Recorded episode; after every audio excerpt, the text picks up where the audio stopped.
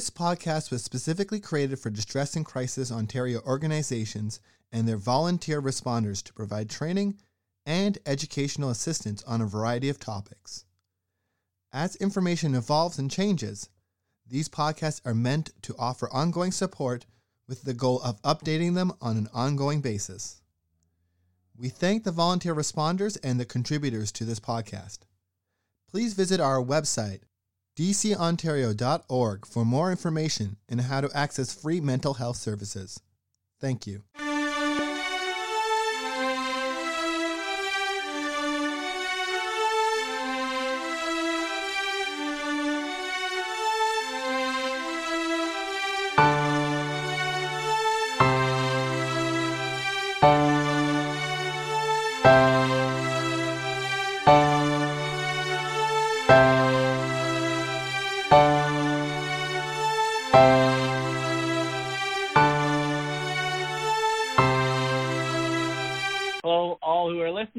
Trent Dundas, an employee with Distress and Crisis Ontario.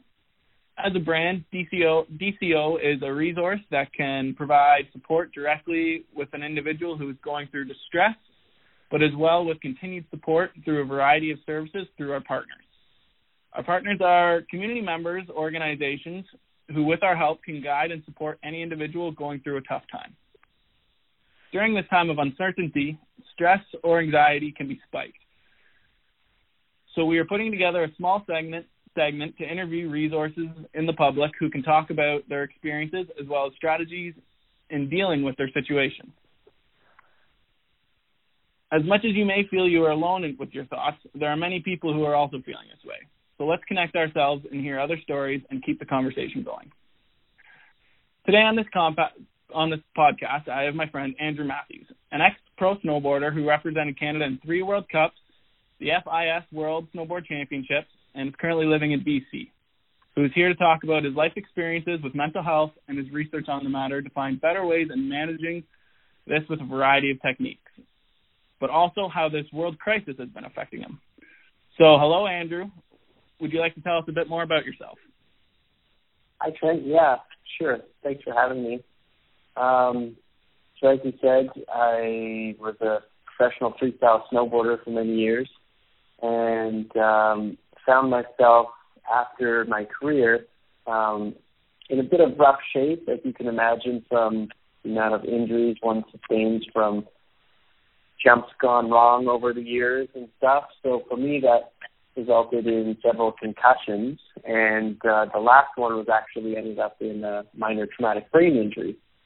So it shifted things around for me in my brain and made things a lot more challenging um, to cope with, manage, and deal with things that a normal person would have no problem with.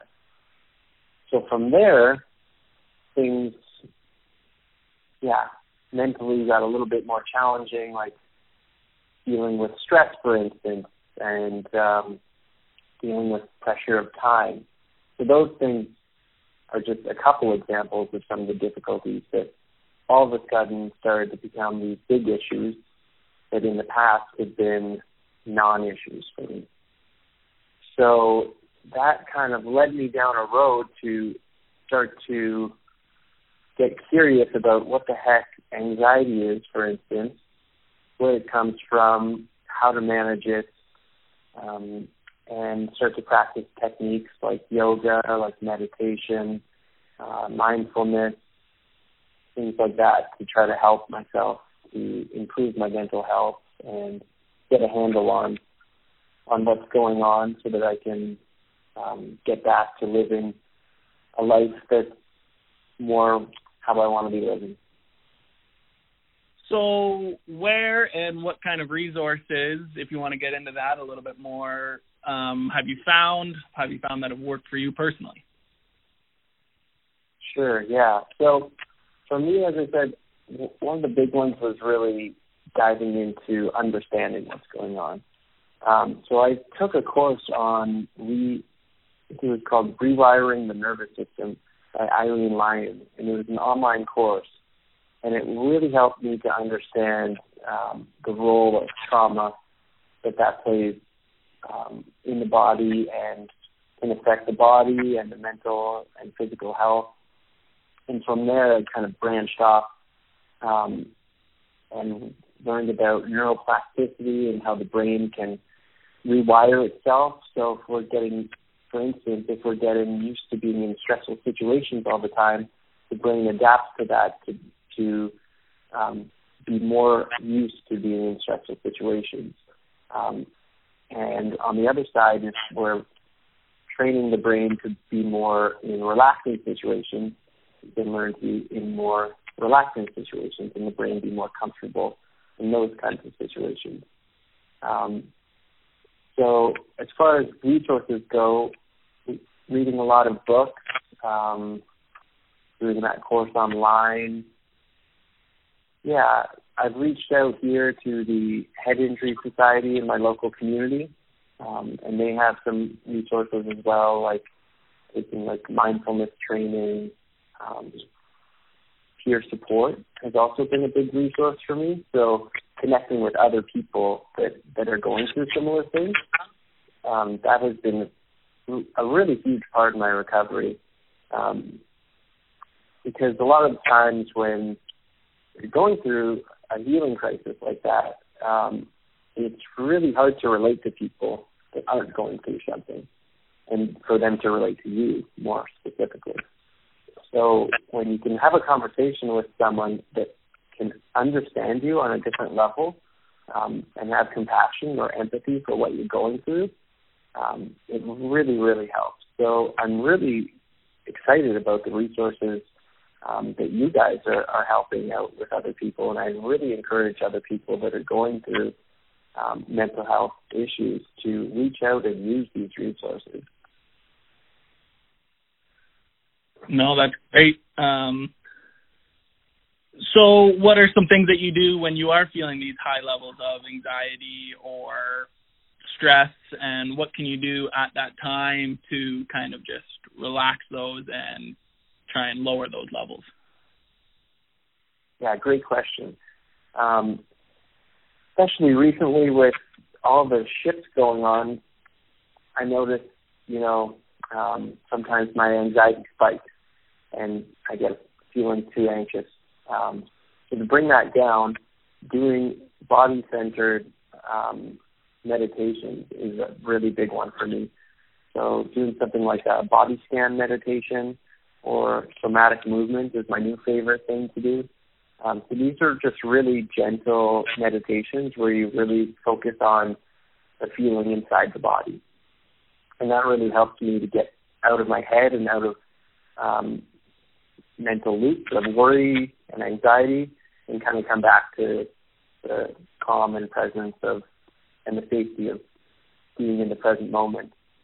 So when I do feel like, oh man, my anxiety's pretty high today, um, yeah, I'll do some more of those kinds of things to take care of myself, um, and just kind of, you know, I think especially now, like with so much going on, it's important to take extra care of yourself. So for me, um, especially like the first week when all this shift happened, I lost some of my jobs as a yoga teacher, um, and I realized it was really important for me to take time to actually educate myself on what's going on and make that a priority rather than my other priorities, which involve currently like studying um, economics and I'm doing in university.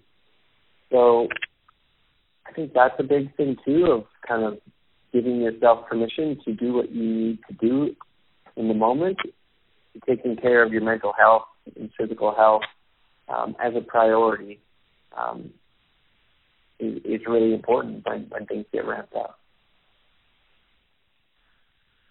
So again, with the current world affairs that are going on, how has this shifted your mental illness and how does it change your lifestyle in your everyday process? Um, I wouldn't say it's shifted my my mental illness necessarily, but um, I like to look at it like as someone who quote unquote has anxiety. Some days my my mental health is is flourishing and some days it's floundering. And so when external events and stressors like this come up and I start to wonder how I'm going to make rent or pay my mortgage or whatever, um,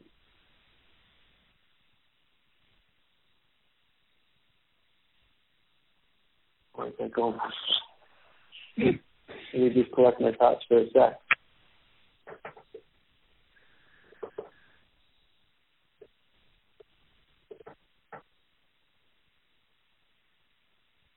So it can you, repeat the question, please?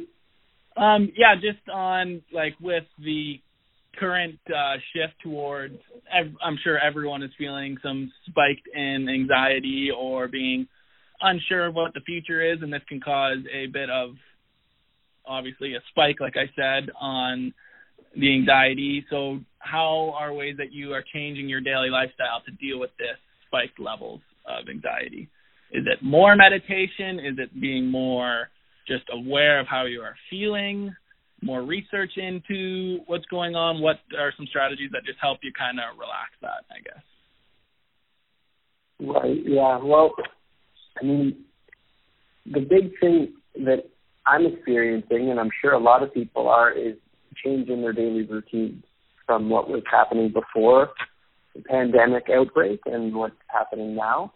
So for me, like to change my routine and come up with a new routine that works for staying at home um, was really important. So scheduling my day um, with when I'm working and getting in a physical location um, to set boundaries around when I'm working and when I'm not working has been really important for my mental health.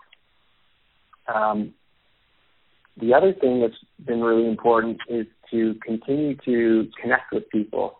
So as much as we are being asked to physically isolate ourselves to limit the spread of the coronavirus, um, it's really important for me to continue to connect and have fun with people and call people. So um, I've been adapting to this new change and new way of life for the time being by connecting with people on Skype, on Zoom, on FaceTime, those types of things. Um, getting together, creating um, times for friends to meet and stuff, and it's given me the chance to connect with people that I wouldn't have connected with normally because they're not in my um, immediate vicinity or even in the same country as me, for instance. So kind of just rolling with the punches and and making the best of the situation. That's been pretty key for me to um, adapt to the changes that, that are going on. So I know one thing you and I have talked about that you've kind of been recently experimenting with is something called laughing yoga. So do you mind going into a little bit of more detail on that and the positive outcomes that you've seen or hope to get from this? Sure, yeah. So laughing yoga is something it's a practice that I got into when I was at university. Um, not really got into. I mean, I experienced it for the first time when I was there, and it's just so much fun because you are totally given permission to bring out your silly, bring out your child self, and laugh like you've never laughed before. So, getting a group together doing this, connecting with each other, laughing, being silly, can be so much fun, and it's something that we don't tend to get the opportunity to do as much as you know kids get to do that all the time. So it's really cool as an adult to have you know an opportunity to do that. So I've been inspired to take a training for laughter yoga so that I can offer this to other people. And part of it is just um, practicing basically being in a joyful state on purpose. So not waiting for all of the things externally to, to line up so that I can feel happy. It's being happy first, being joyful first, and then that the other things may line up or they may not. So instead of waiting for all these circumstances to happen, we just get together and get some friends together and practice laughter, practice some different exercises, and they incorporate deep breathing as well. So hence the yoga term um, in that as well with the laughter yoga. So it's a combination of laughter exercises, kind of like improv exercises where you're acting things out, and deep breathing, um, and then relaxation. So that's kind of the, the main things. So at this time, I've kind of been inspired to reach out to other people to offer laughter yoga on the internet, of course, at this point, um, to kind of help bring some joy to other people and uh, connection.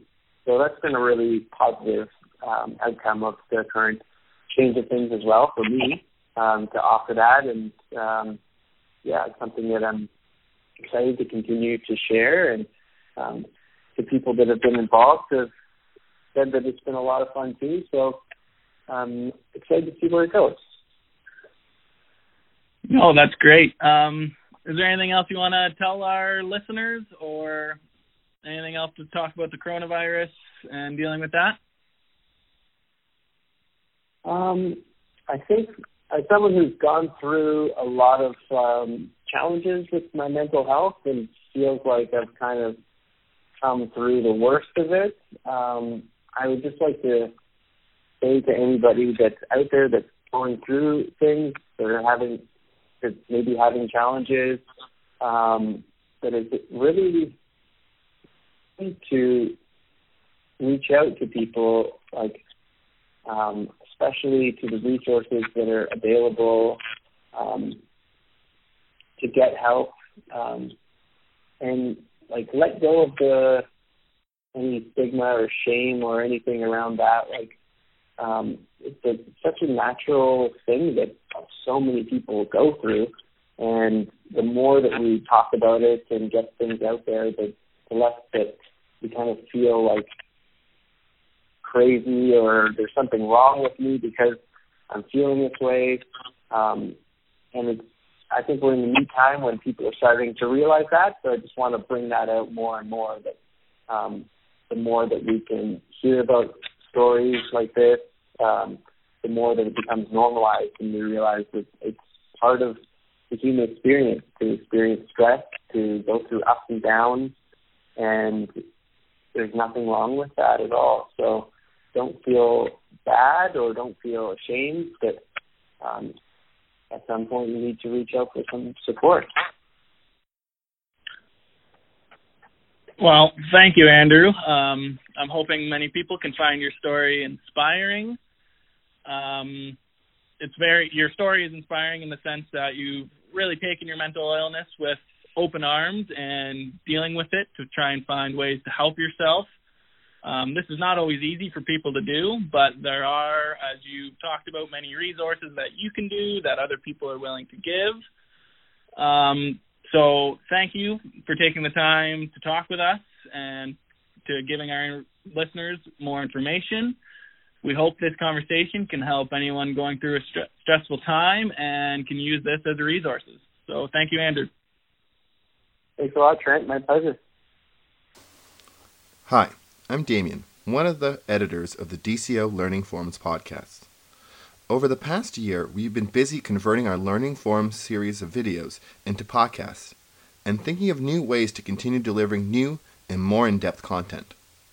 We've seen the demand, and we're announcing our move to Pinecast and our new tip jar function. Please consider going to tips.pinecast.com slash jar slash distress and crisis Ontario and donating and in return, we'll be recording new follow up episodes on some of our most popular topics. These will be accessible for tippers only and will help pay for travel, web hosting, etc. For the interim, you'll still be able to access existing content on both on both the Pinecast and Fireside feeds for free, but eventually we'll be making the switch to Pinecast. Thank you for your understanding.